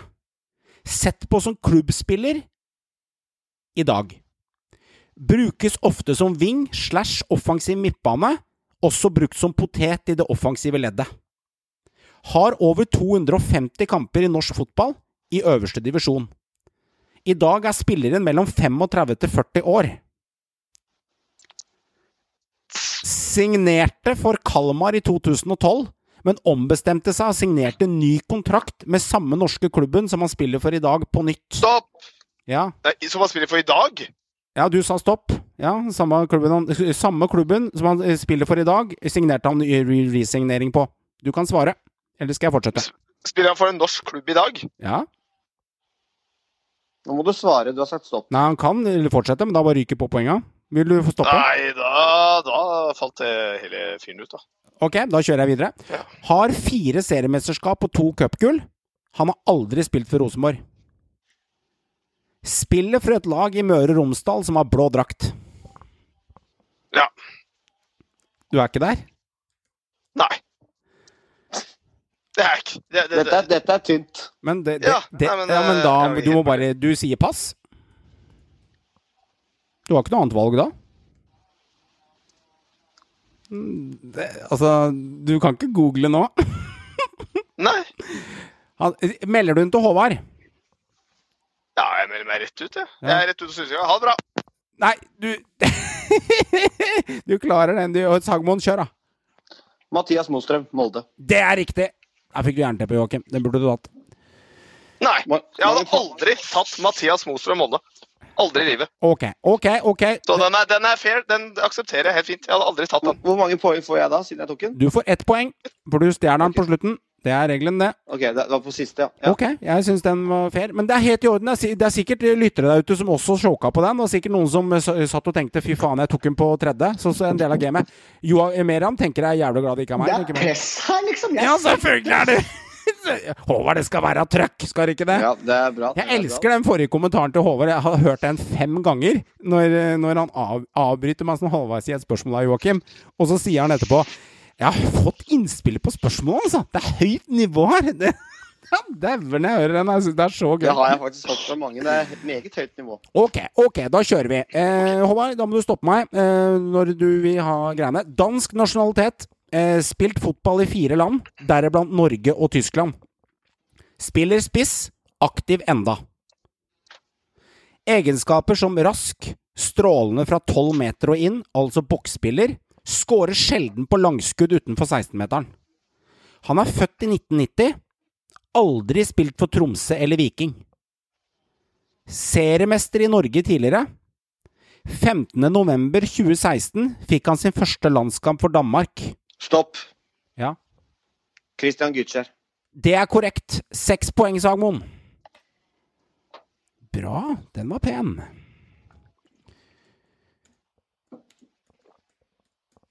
Frekke hint her, altså. Ok, Meran, da er det din tur. Han- Skal du si noe, Vær? Ja. Skulle bare si at eh, Gytskjær han har eh, signert for en serie B-klubb nå, så han er der og spiller. Stemmer det. Rykka opp fra Serie C, gjorde de ikke det? Det er et lag som satser ganske hardt i, i serie B. Spal heter det. Da kjører vi. Um, stopper. Norsk nasjonalitet, Meran. Lagt opp i dag. Har landskamper for Norge. Han har også fagbrev som rørlegger. Hatt utlån til engelsk klubb en halv sesong. Har uttalt der at det holdt på å dø tre ganger, ifølge seg selv. Spilt for tysk klubb i tre sesonger. Skåret tre mål på oppholdet. Han har spilt EM og VM for Norge. Spilte spiss tidlig i karrieren. Sett på som potet på banen. Allsidig spiller, men er kjent for stoppekvalitetene sine. Seriemester i Norge en rekke ganger. Kniksen prisvinner i Norge. Spilt for Kongsvinger tidlig i karrieren. 1992 før han Stopp. Ja. Vidar Iseth. Det er riktig. Vidar Iseth. Jeg håpa nesten at du skulle eh, la den gå lenger. Vet du hvorfor? For neste utsagn var 'potet og peng, kjerring og seng'. Det er alt en frosting trenger. Mange poeng endte jeg på? Du endte på fire poeng, og det er bra, det. Igjen, ja. Ja, ja, fire, fire. Ja. Det er greit, det. Den var, den var tøff, den òg, så jeg sto fast lenge. Ja. Ja, skal være litt røft over kanten her. Det er altså. bra nivå her, Krog. Bra nivå her, Krog. Det skal være litt nivå her. Men det er ikke alltid lett, jeg ser den. Og så har vi en eh, fin en, og det er eh, lagt opp i dag, Joakim. Han er spiss, som han har lagt opp i dag. Lånt ut til Sogndal tidlig i karrieren, da snakker vi veldig tidlig. Aldri, aldri spilt for Glimt eller Enga. Har vunnet cupgull i Norge på 90-tallet. Høflig, jordnær type. Lun personlighet, men målmaskin. Startet karrieren i klubben Skarp i Norge. Har 22 landskamper, men ikke kjent for dette når man nevner hans navn. Altså, han var ingen stor landslagsspiller. Vært med på Mesternes mester og 71 grader nord. Toppskårer i norsk liga flere ganger, samt toppskårer i Belgia, der han høster stor suksess. Spilt for tre belgiske klubber. Stor suksess i to av klubbene. En av disse er Standa Lier. Prioriterte fødsel foran nedrykkskamp med eget lag i 2003 i kampen mot Rosenborg på Lerkendal. Ivar Hoff slaktet vedkommende. Han avsluttet karrieren i Tromsø, som også er der hjertet hans ligger nærmest. Har et dobbeltnavn, og det er Ole Martin, og da har du etternavnet til meg. At jeg brukte, jeg brukte så Jeg bare satt hele veien og tenkte Jeg veit hvem dette er. Jeg veit hvem det er. Jeg veit hvem det er. Jeg vet hvem det er. Ja, så er det over. Navnet gikk det, men eh, ja ja. Det er Ole Martin Norsk, selvfølgelig. Riktig. Men, Man klarer, det, eh, man klarer det til slutt. Dobbeltnavnet Ole Martin, men eh, det er en del av gamet. Mathias Mostrøm hadde ikke jeg Den klarte jeg ikke til slutt. Ja, men jeg, du er irritert over den ennå, altså. Nei, fordi den hadde jeg ikke klart. Ja. Altså, det, så, så, nei, den hadde jeg ikke tatt. Jeg kan ikke nok om Mathias om han i det hele Ja, men Det er helt i orden. Eh, men du har hørt om spilleren, det er poenget mitt. Ole Martin Årst og Mostrøm har jeg hørt om, ja. For jeg sa jo at eh, man, hvis man ikke man har hørt om spilleren, så kan man ikke være en Ja, del av ja. Synseligaen. Du har hørt om spilleren, men du klarte den bare ikke. ja. Nei, det går fint. Okay, Årst ok. burde jeg tatt seks runder før. Da skal Sagmoen eh, avgjøre. Eh, kom fra dansk fotball til Norge. Spilte to og en halv sesong, sesong i Norge før han dro videre. Han er en sjelden blomst av en spiller. Spilt VM for sitt, lands, eh, VM for sitt landslag, ja. Står med over 80 landskamper for landet sitt. Han skåret i hver tredje kamp for det norske laget han spilte, i statistikk. Han er wing. Angrep er hans sterkeste side. Han vant aldri noe i Norge. Gikk fra Norge til København for 8 millioner kroner pga. kort kontrakt igjen. Et utsagn om han har sagt følgende Jeg selger hele hytta og bilen før jeg selger denne spilleren, ble det uttalt om han. Spilte for, spilte for én av disse klubbene. Viking, Start eller Tromsø. Han har spilt for én av dem. Spilt i Start fra 2009 til august 2010. Stopp! Kjør. Christian Bolanios. Det er korrekt, Håvard. Skulle tatt den før, men ja, ja. Det er riktig. Eh, 45 kamper, 13 mål. Neste hint var er fra Costa Rica, og fornavnet er Christian. Det er riktig. Tre poeng, Håvard. Da gjorde Håvard tre poeng på den, og så fikk Joakim ett på Årst. Vidar Riseth, det er Meran på fire. Christian Gykjær, Håvard dro en sekser. Mathias Mostrøm stjal Håvard med ett poeng. Og Meran dro en firer. Så det er Håvard som leder. Jo, Meran nummer to, og Joakim, du er nummer tre. Men alle har skaffa seg litt poeng, da, så det er eh, fortsatt eh, Det er fortsatt håp her, så det er ikke, det er ikke helt utafor. Bra. Skryt til deg, Krog. Veldig morsom, eh, morsom quiz. Finn Fin, fin den her. Fin den her. Ja, skal, ja, da har Jeg skulle, jeg, jeg skulle tatt uh, Bolanios litt før, men ja, ja. Vi- er bra, Meran. Godt, godt Nei, dere sla, slapp av. Jeg tok faen meg ikke Ole Martin Aas. Men man er jo hjerneteppe er- Du gjør det. feil. Det er, Jeg ble helt, eh, sånn, Hvem faen er det? Jeg drev, jeg drev nok og tenkte på en dansk spiller når du snakka om Bolanjos. Jeg drev og fokuserte Ja, på, en dan, på en danske. Jeg tenkte hvem i helvete er han dansken her? Men uh, det var jo ikke, det var dumt å henge seg opp i det, for det var jo faen ikke noe med det å gjøre. Og det som er litt nervene, som litt sånn er at man kjenner litt på stresset, for det kan ikke komme for mange hint heller, så for at da ryker på poenga. Men du har ikke lyst til å tippe for tidlig, for da kan jo folk bøffe poenga dine. Så det er liksom, der, Det er det er liksom begge deler. Det ir- irriterer meg at jeg hengte meg opp i han dansken. Altså, han var jo fader ikke noen danske. Nei, Sånn er det, sånn er det. Det er, det er Ja, ja. sånn. Man, du, du hørte første hintet var at han kom fra en dansk klubb, og da tenkte du på det, ikke sant? Ja, det var det som slo meg først. Rosenborg-gutter. ehm, Seide, Holse viser seg fram i kampen i går. Rosenborg spiller ikke 25 minutter med bra fotball, de spiller faktisk 20 minutter i første omgang og 45 minutter i andre, så jeg syns at Rosenborg får godkjent igjen 65 minutter mot Sarpsborg.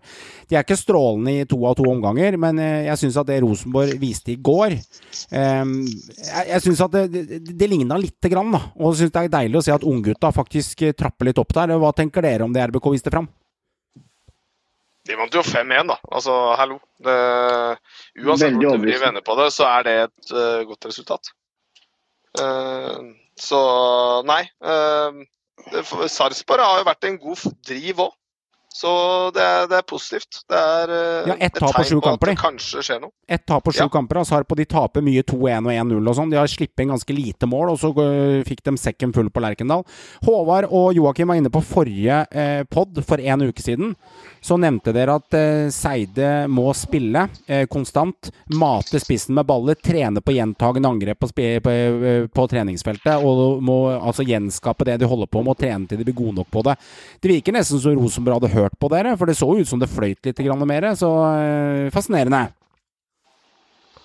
Ja, jeg syns jo det vi traff ganske greit der. Og så snakka vel eh, både jeg og Joakim om eh, at Helland ikke skal spille. Og han spilte, han spilte jo ikke. Han er jo vel skada igjen, kanskje. Men Nei, han har gule kort. Gule kort. Han har gule kort. Men jeg tror det er lurt å fortsette å ha Helland utafor elveren. Så får heller han komme inn og slå noen gode dødballer og sånne ting. For du trenger vinger med fart på det Rosenborg-laget eh, for å komme rundt og, rundt og slå legg og eh, komme rundt på kant. Og, og så var det mye mer tempo, syns jeg, i RBK-laget. Jeg syns at Per Siljan også begynner å se bra ut. Var bra i går, han. Og, ja, han var bra. Han, han begynner å, begynner å han ser ikke så rusten ut lenger. og det selvfølgelig har tatt litt tid, han har vært lenge ute. Men, eh, men det er jo selvfølgelig overbevisende når du skårer fem mål. Det, du kan ikke si noe til og med Dino kommer inn og putter der og sleivsparker. Hva skjer, liksom?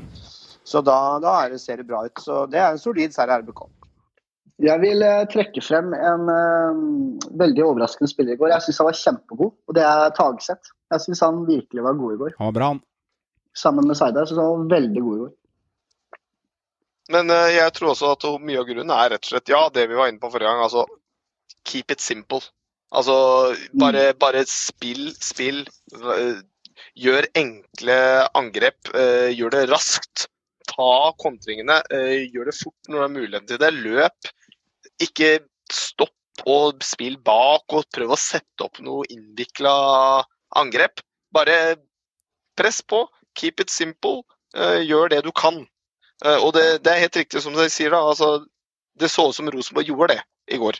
De gjorde det de kunne. De hadde et, en plan, og de fulgte den. Så syns jeg kanskje, for å komme og strø litt salt eh, her, eh, at Børven eh, går nok en kamp uten å skåre mål da, som spiss, og når RBK da putter fem. Det er jo kanskje et lite sånn svakhetstegn at de ikke klarer å, å mate han så han skårer mål. Han er jo henta for å skåre. og, Men altså, du kan jo ikke klage når, når, laget, når, laget vinner fem. Men han er jo henta for å skåre mål. han De klarer ennå ikke å få han til å, putte. Så, så de, har jo, de har jo ting å jobbe med her, det er ikke noe tvil om. Det interessante med Børven, da eh, det siste, eh, Nest siste målet til Rosenborg, så er Børven som, eh, hvis vi vekker fra skåringene og jobber litt for laget, så er, så er det han som vinner ballen i offensivt ledd der, og dytter den videre til Siljan, som fører den videre, og så får de det innlegget. På begge målene til Holse så trekker Børven på bakre stolpe, og Holse på første. Og han scorer i ganske to like posisjoner der. Så han er med på å åpne ganske mye opp for de andre. Og neste gang, Håvard, er det kanskje Børven som putter to, hvis de får et sånt resultat. Så jeg tror egentlig det der vil gå bra til slutt, for han er en smart fotballspiller, Børven. Men klart, de er, skulle eh, gjerne sett at de putta en, en eller to der og hadde litt innlegg på han, men jeg, jeg syns det var bra. Jeg syns Karl Holse har eh, kommet seg også, fra å på en måte vært ganske anonym og litt sånn halvveis Jeg Har ikke fått det til, har ikke klart å ta nivået helt, faktisk. Det er ingen som har levert, ikke sant? Nei, nei, men har ikke prega kamper. Men nå, nå begynner det å løsne litt både for han og Seid. Og det er litt morsomt å se to unge, unge vinger da, som, som tør å utfordre og bruke ferdighetene sine. Så det, det trenger jo RBK.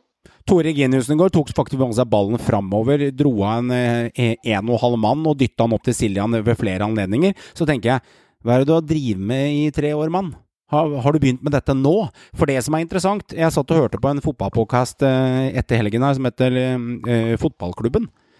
En eh, RBK-podkast, faktisk, for dem som snakker kun om Rosenborg. Men en god eh, fotballpodkast. Eh, fotballklubben heter den. Følg den, de som har lyst til det. Og de tok opp en veldig interessant ting. Geir Hansen, som er nye assistenttreneren til eh, Rosenborg, han har snakket om tre ting han, på treninga den siste uka. Og følg, følg, med på disse punktene, gutta. Og så tenk, er ikke dette noe vi skal forvente av et lag i Eliteserien? Der var det terping på orientering og overblikk. Det var terping på ballkontroll og besittelse. Og det var terping på pasningskvalitet mellom hverandre. Når de tok opp de punktene her, eh, og da tenkte jeg kult at dere tar det opp, fordi jeg hadde fått et innspill på det i podkasten Fotballklubben. Bra podkast for de som har lyst til å følge den, så gjør gjerne det. Det interessante med det er at det er ikke dette litt sånn, gutter Forventa en eliteseriespiller at du skal kunne de tre tingene der? Altså, vi spiller litt på toppnivå i Norge. Har de glemt åssen de skal føre, føre ball og føre fotballkamper, et fotballag, når du må ta opp sånne ting? Dette er jo det Joakim sa forrige på, de må tilbake til røttene. Keep it simple. Dette er akkurat det som skjer nå. Det er ikke bra, vet du. Nei, men det er det som må til.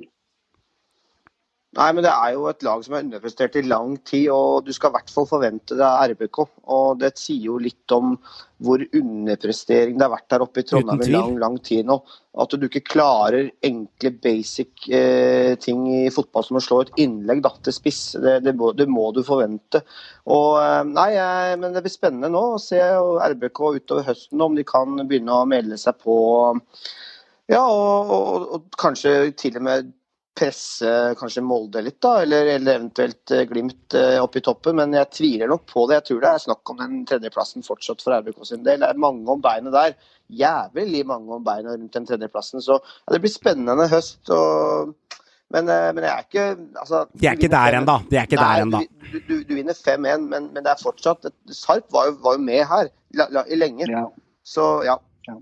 Men Sarp møtte ikke opp i annen omgang. De la igjen ferdigheten sin i annen omgang. De hadde, de hadde, de, altså, jeg tuller ikke. Altså, Keeperen til Faye kunne nesten ikke stått i bur i andre omgang, for det var, det var nitrist. De hadde nesten ikke en sjanse.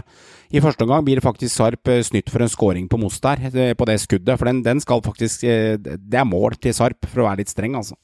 Det var feilavblåsning, men RBK vant 5-1 til slutt der, så helt fair. Gutter, vi går over til neste runde, som spilles til helgen. Mitt navn er Fredrik Pallesen Knutsen, og jeg spiller for FK Haugesund. Dette er Synseligaen, podkasten av fans, for fans. Nå må vi begynne å bli vant til én ukes mellomrom mellom, mellom hver runde. Det er, det er, litt sånn småkjipt, men jeg kjenner jo liksom at det er litt deilig òg, for da blir det noe ekstra å glede seg til. Det har vært liksom nesten apatisk Sagmoen, at det har vært sånn hver tredje, tredje dag du rekker jo nesten ikke å puste før det er nye kamper. så og så er det jo kanskje noe Obos mellom der, og kanskje litt så det er fotball hele uka. Så nei, det er, det er, gøy for oss som elsker fotball, men jeg tror kanskje det blir bra for laget jeg, da, og, og, spillerne nå. At de får litt mer ro og litt mer hvile og faktisk får muligheten til å trene litt. For nå har det bare vært restitusjon og kamper. Jeg tror det er litt viktig å komme seg litt tilbake på feltet og kan terpe litt. Mange, mange lag kommer til å trenge det. Ja, det er mange lag, så Du ser på veldig mange lag nå at de sliter med dette det presset som har vært og antall kamper som har vært, at de har ikke spill lenger. Så jeg tror det blir bra. Få litt ro. Joakim, du kan jo starte. Vi starter lørdag med Sarpsborg-Molde nede i, i, Viken, som heter nå, eller Gamle Østfold. Ja um jeg tror nok Molde er veldig kine. De må jo reise kjerringa nå. De, eh, de, kan ikke gjøre noe annet. Eh, hvis de skulle finne på å tape poeng mot Sarpsborg nå, så blir det problematisk. Så Molde. Gjør det veldig enkelt. Vi kommenterer laget her nå og kjører den. og Så eh, kan hver av dere få lov til å ta resultatene. Så Joakim, du får veto på Sarpsborg-Molde-resultat. Så tar dere kampene fortløpende nedover. Hva, hva spår du? Jeg sa Molde. Ja, Men resultatet her, har du noe til meg? Resultat? Ja. Uh, 3-1 til Molde. 3-1 til Molde, ja. Brann Mjøndalen, den får Meran. Brann i dytten, Ingebrigtsen debut. Kårets første kamp. Oi, oi, oi. Tjommi, tjommi. 2-0 Brann. 2-0 Brann, ja. Skåringer, da? Spår vi skåringer, eller? Bamba Komsom. Mm. Bamba Komsom, Den er fin, den. Håvard, du skal fortale ditt eget lag. Jeg syns den er fair. Jeg, eh, jeg tror det løsner litt jeg nå i Bergen. Jeg tror 3-0, og jeg tror eh, jeg, også mer enn at, eh, at Bamba og Gilbert putter. Jeg tror kanskje til og med Bamba putter to. Jeg tror si 3-0. Mm. Nydelig debut for Kåre på Brann stadion. Haugesund-Strømskose, du kan fortsette, over. Haugesund Godset, ja, det er en tett kamp. Godset er vans- litt vanskelig å spå. Plutselig så leverer de veldig gode kamper, og så er det litt sånn Slipper de mye mål, altså? Lett. Ja, det er jo nest mest innslupne mål i ligaen, faktisk, eh, bak eh, Ålesund. Mm. Så det forsvaret har eh, store problemer. Men jeg tror at Jeg tror det faktisk blir uavgjort. Jeg tror det blir eh, 1-1. Kontrer du, Joakim, eller eh, jeg sitter og ser på deg? Altså, jeg, for, altså jeg, det er nesten uh, Jeg håper på uavgjort. Men uh, godset i Haugesund, det er, har vel aldri vært noe god kombo noensinne, tror jeg. Uh, det er sjelden godset leverer sterkt der. Jeg håper jo at de for guds skyld får litt At de klarer å stable på beina og komme seg litt opp igjen og sette noen sjanser. Eh, uavgjort er innafor, men om godset vinner i Haugesund, det, det ville overraske meg. Det hadde Mm. det ville vært en positiv overraskelse. Så UB hadde jeg satt på en tippekupong der, skal jeg være helt ærlig. Hadde du ikke vært Godset-supporter, så hadde du stryket ben, tenker jeg. Hæ? Hadde du ikke vært Godset-supporter, så hadde du jeg ikke vært ikke Godset-supporter, så hadde jeg stryka U-en, mener du? Ja, jeg tenker Og bare hatt B-en? Ja, du mener da, da Jeg mener du hadde tatt vekk Godset-seier hvis, du- hvis, hvis du ikke hadde hatt hjerte for Godset og tenkt Å, oh, U- UB! Å, jeg vet jeg sa feil. Jeg mener HU. Ja, jeg skjønte, jeg skjønte det Ja, når du ja, sa det sånn. Ja, ja, ja. ja, ja. Nei, nei jeg, jeg, U, ja, det kan gå. Men de må levere. Mm. Høytflyvende Odd, Meram eh, tar imot eh, overraskelseslaget i eh, Kristiansund i ditt hode, som skal gå for eh, bronsen til slutt, som du meldte tidligere i sesongen. Men Odd de har seks seire på sju kamper, de, så det, det er ikke kommet ned til Skien og kødde, altså. De er sterke. Nei. Det er, det er sant, det. Men det lukter en U for meg. Jeg tror det blir eh, offensiv kamp. Eh, jeg tror Odd kan ta en eh, hjemmeseier, men jeg, jeg tror det ender U. Jeg tror det ender U. Mm, snakker vi 0-0-U, eller snakker vi sånn 3-3-U? Hva prater vi? Vi snakker 2-2-U. Da snakker vi 2-2-U. Den er grei. Eh, Sandefjord, Bodø-Glimt. Da kan vi starte hos meg. Ehm, jeg tenker jeg velger den letteste, for det er så enkelt å tippe, vet du. Men eh, jeg kjører langskudd, jeg, gutter. Så jeg tipper at den kampen der ender 2-2. Det er en skikkelig longshot. Jeg tror faktisk Sandefjord er så i dytten. Altså er, de, har, de har tre eh, fire, fire kamper, tre seire. Det er sterkt. Bodø-Glimt derimot, eh, de, ja, de slipper inn litt mål. Slipper inn mot Godset, slipper inn mot Stabæk. De slipper inn hele veien. Og Sandefjord har et grunnspill, de. Jeg tror de har en plan, jeg, med Martí om å låse igjen. Og jeg tror de skårer mål, om det blir 1-1 eller 2-2. Jeg vet ikke, men jeg, jeg skyter en uavgjort på den. Får se om dere skal skyte meg neste uke. Sagmoen, hva tenker du? Jeg tror at uh, Glimt er rett og slett for gode til at det Sandefjord-laget skal klare å stå imot. og Mm. Det er et lag som prøver å spille uansett, og jeg tror det kan bli store rom for Glimt å boltre seg i. Og jeg tror de, sånn som J.P. Jeppe Hauge, Sinkernagel og Junker, kommer til å få herje litt uh, mot det litt sånn vaklende Sandefjord-forsvaret. Så jeg tror Glimt vinner ganske komfortabelt. Jeg tror det fort kan bli en ganske klar seier der. Jeg lener meg faktisk litt mot Johan. Deilig. Og det er, ja, men det er, ja, men det er litt på grunn av det, de siste, det, det Glimt, eh, Glimt har vist så mye svakhetstegn de siste kampene. Så uhorvelig mye svakhetstegn. Det er ikke noe dårlig de har, spille nei, nei, men de er ikke dårlig. Nei, men det er Nei, ikke nei, nei. dårlig. nei, nei, Men, ikke men eh, de har vist uh, at de, de sliter med å avgjøre de kampene de avgjorde før. Og Sandefjord nå Jeg kan godt se at det kan gå fint, men det er helt avhengig av at Sandefjord kommer veldig fort og godt inn i kampen og, og får lov til å være med og spille.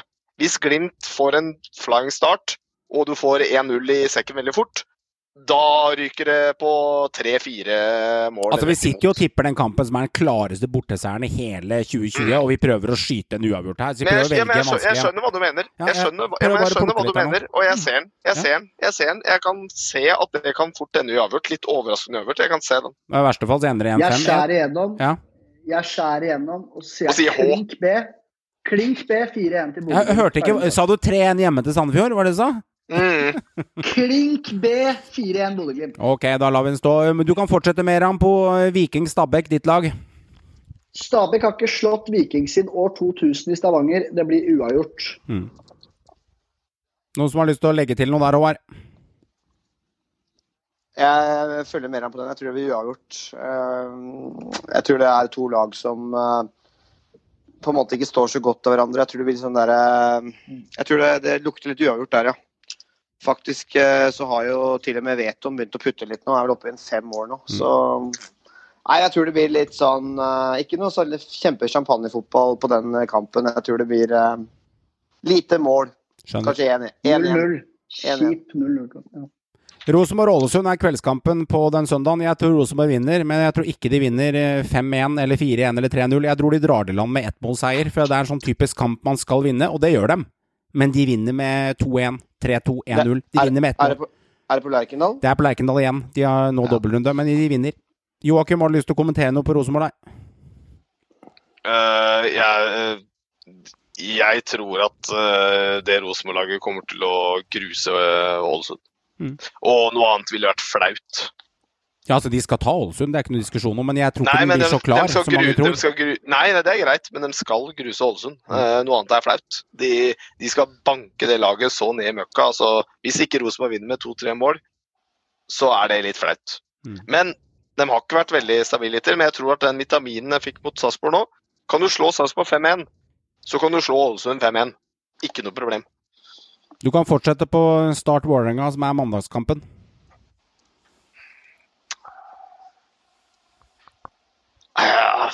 Det, luk det lukter en liten U der. altså Jeg skal være såpass kjip og si at jeg tror kanskje det der blir en uavgjort. Det lukter en sånn typisk 2-2-kamp, føler jeg. Nei, jeg tror, eh, jeg tror at eh, Enga vinner.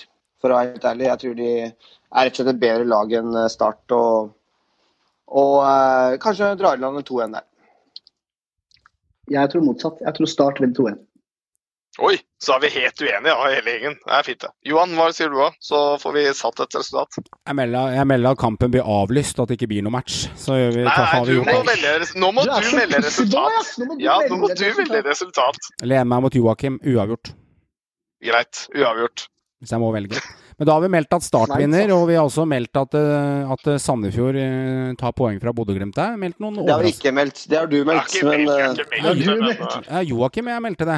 To, av jeg- fire, det er 50 ser sånn. jeg, Jeg jeg, kan ikke skjønne at Glimt ikke skal vinne der. Nei, jeg skjønner. Det er så, Ja, det er ob det er så obvious at de vinner 1-4 at det er typisk at det, det skjer noe nytt. Vi må prøve litt nye ting, og da, da smeller vi bordet med de tingene. Men det er gøy å melde noe annet enn selvfølgeligheter. Og eh, skal vi gjøre det enkelt, så vinner liksom Molde og Molde og Bodø-Glimt og Rosenborg hjemme mot Ålesund. Men det er alltid sånn. Favorittene de vil alltid avgi litt grann hele veien, og det er en del av Det er jo tydelig at de gjør nå. Det er det. Det er. Håvard, gratulerer med en herlig borteseier mot Molde. Den eh, må smake. Du skal få kose deg med den inn i de små nattetimer til tirsdag kommer. Og kjære lytter, jeg håper du ønsker deg en glimrende uke og ditt favorittlag vinner til helgen. Vi vil gjerne takke Eurosport for bruk av lydklipp i denne episoden. Gå inn på dplay.no og se hvordan du får tilgang til hele Eliteserien 2020 der du er. Kos dere masse. Har du igjen en uke ferie, kjære lytter, så bruk den. Fisk, dra på kino, ta med unga ut på noe gøy, eller elskeren eller kona di. Kos deg der ute. Til helgen er det en ny runde. Da håper jeg ditt lag vinner. Vi snakkes. Hei då.